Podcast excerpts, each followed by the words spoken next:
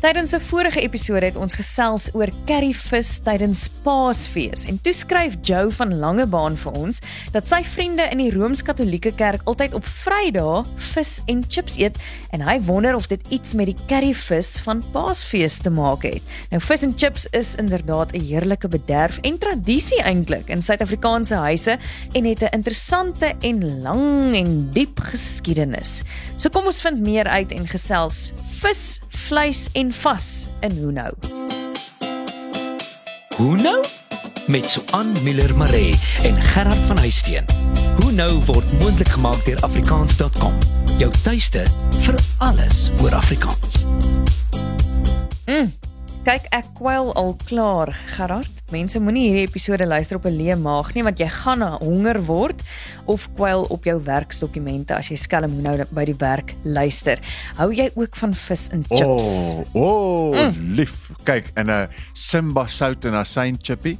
Ek ruik sommer so daai asyn wat soos die chips word so pap Presies. in die bruin papier. So, jy weet, ek was in 'n koshuis gewees op skool mm. in in Swazirenike en dan het my maale ons Vrydagmiddag kom haal na skool en dan het ons daar by die Verda kafee op Swazirenike het ons dan gestop en by die Grieke daar het ons dan vis en chips gekoop wat ons dan sommer so in die kar geëet het. Och, dit was dan die grootste bederf geweest. Dis altyd een of ander kafee waar mense vis en chips kry en dit behoort gewoonlik aan 'n Portugees of aan 'n Griek, soos die St George's Kafee in Pretoria en ons het in Potchefstroom met ons die Alpha Kafee gehad. Presies, en dis nie verbasend nie, want dit het te maak met Rooms-Katolieke. Ons veralgemeen nou vreeslik hier in stereotipeer om nou te sê Grieke en Portugese is mm. Rooms-Katoliek. Ek besef dit, maar baie van hulle is Rooms-Katoliek. Hierdie hele ding met die vis het te maak met vas.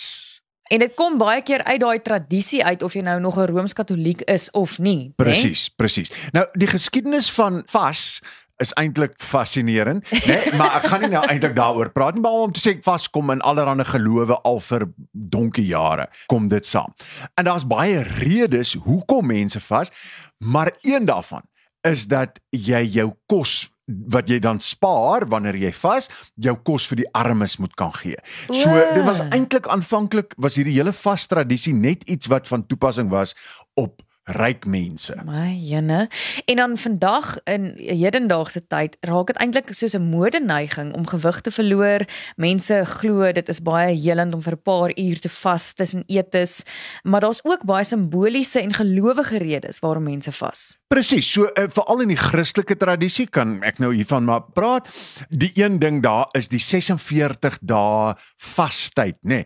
In Engels praat hulle van Lent en soos ons ook al in 'n vorige episode gesê het, dis waar die naam lente vandaan kom, nê, nee, ja. is daai vastyd, die 40 dae wat Jesus in die woestyn moes spandeer, gedenk, nê. Nee, nou 46 dae is dan nou 6 weke wat al die dae is behalwe die Sondag voor Paas Sondag. Dis daai tyd.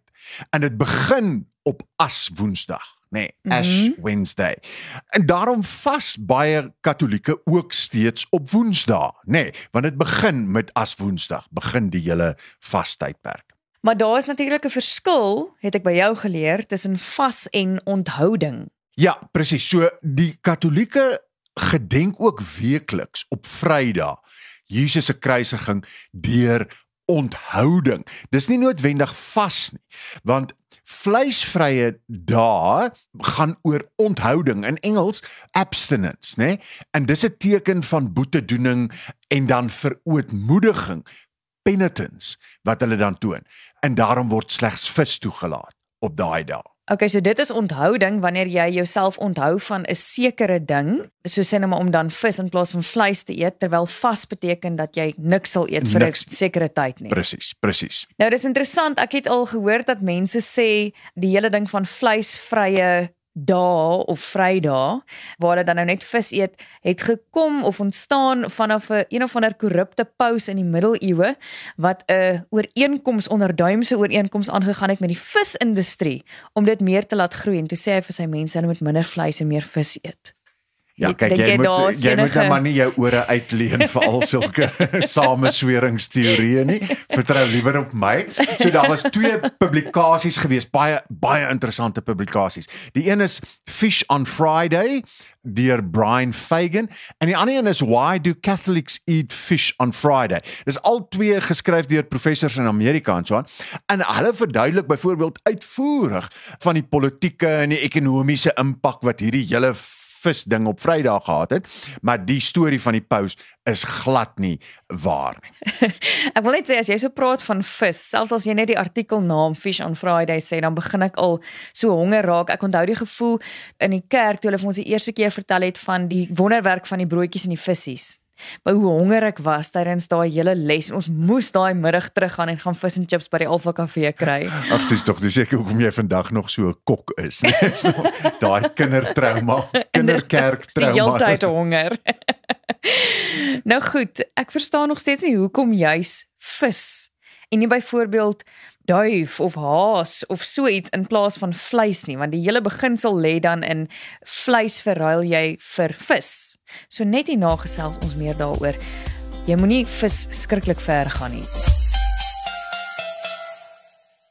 Afrikaans is so lekker soos koeksisters, braaibroodjies en kondensmelk koffie.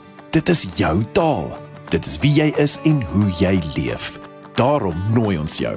Kom skryf saam aan die toekoms van Afrikaans. Vir gratis leerhulp, taalnuus, vermaak, speletjies en meer. Besoek www.afrikaans.com en volg ons op sosiale media. Koop dit, lees dit, praat dit, leef dit. afrikaans.com. Jou tuiste vir alles oor Afrikaans. Jy luister na Hoe nou met Gerard en Swan en Swan en Swan. So ons het nou vasgestel dat vas 'n baie lang en diverse geskiedenis het. Mense doen dit vir verskillende redes al vir verskillende of vir baie jare al. Maar ek wil nou nog steeds weet waarom die tradisie van vleis verruil jy vir vis, maar nie ander vleis nie. Vleis is tog vleis. Wat ek kan agterkom, gaan dit spesifiek oor warmbloedige diere wat dis hulle lewe opoffer vir ons plesier, nê, nee, vir ons as mense. So deur op 'n bepaalde dag dis nie warmbloedige diere te eet maar koudbloedige diere soos vis dan byvoorbeeld, spaar jy dus van hierdie warmbloedige diere se lewe. So dit gaan ook daaroor dat jy byvoorbeeld op sulke vleisvrye dae kan jy ook reptiel eet en jy kan Oeg. skulpdiere eet. Oh, En asseblief nie reptiel eet Amfibie. nie. Nee, dankie. Maar dit klink wel vir my jy kan dan dus sushi ook eet. Dit hoef nie net vis en chips te wees nie. Inderdaad, ek vermoed jy kan maar sushi gaan eet.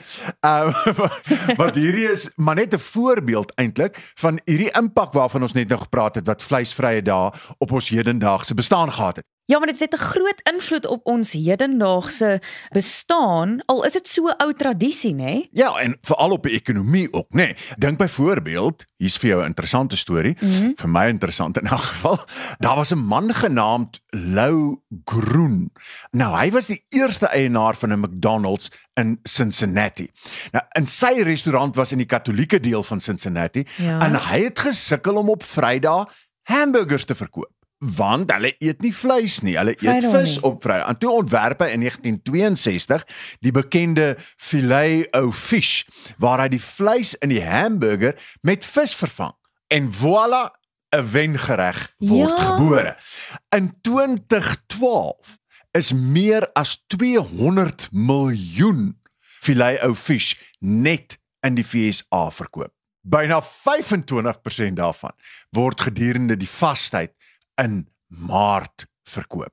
So hierdie visburgers van McDonald's het gewoon 'n enorme invloed gehad op die ekonomie in Amerika, maar wêreldwyd ook. En ons kan dus sê dat Katolieke baie van McDonald's hou. of so lyk dit ten minste, nê. Nee. Mense wat vleisvrye Vrydae het, hou baie van vis op Vrydae. Presies. En omdat jy vis op Vrydag gesê het, is dit tyd vir luisteraars terugvoer. Soliana uit Tsanin sê sy verstaan waarom mense vas vir gelowige redes, maar die gesondheidsredes maak vir haar nie sin nie. 'n Dekade gelede het almal gesê dat gereeld eet goed is vir jou en vir jou bloedsuiker, nou is dit skielik taboe. So ek het nogal heelwat al daaroor gelees en so aan en ek dink die gevolgtrekking is mense se metabolisme verskil. Jy kan nie sê 'n hoë vetdieet gaan vir alle mense werk ja. nie. Jy gaan nie kan sê vas gaan vir alle mense werk nie. Ja. Dit werk vir sommige mense, dit werk nie vir sommige mense nie. Ek het al ook hierdie wat hulle noem intermittent fasting probeer wat jy byvoorbeeld vir 9 ure eet en dan vir soveel ure nie eet nie. Dit werk glad nie vir my nie. Ja. Ek het ook al die 8 maaltye per dag probeer ek word net dikker en dikker en dikker by die maaltyd. by die maaltyd. ja, en dit is interessant hoe dit verweef is met giere. Binne in 'n sekere tyd, binne 'n sekere dekade hoe mense nou in hierdie tyd is mense baie pro fasting of vastye tussen etes, maar ja, dit werk nie noodwendig vir almal nie. Nou Wessel uit Alberton sê hulle doen jaarliks die Daniel vas by hulle kerk en dit beteken baie vir hulle geloofslewe en dan sien nog iemand wat gesê het, "Oeg, Ons het ook 'n vis en chips kafee hier. Dit word ook toevallig besit deur 'n Portugees in ons dorpie. Sy sê nou nie waar dit is nie, maar sy dink 'n Portugese maak die lekkerste vis en chips op aarde. Baie dankie vir julle bydrae. As ons nou stereotipeer. Ja ja ja.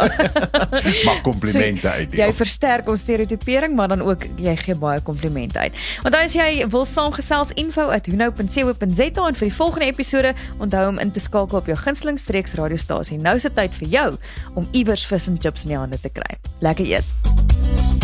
Hoe nou is saamgestel en aangebied deur Suan Miller Maree en Gerard van Huisteen en word moontlik gemaak met die tegniese ondersteuning van Marula Media en die finansiële ondersteuning van afrikaans.com. Jou tuiste vir alles oor Afrikaans.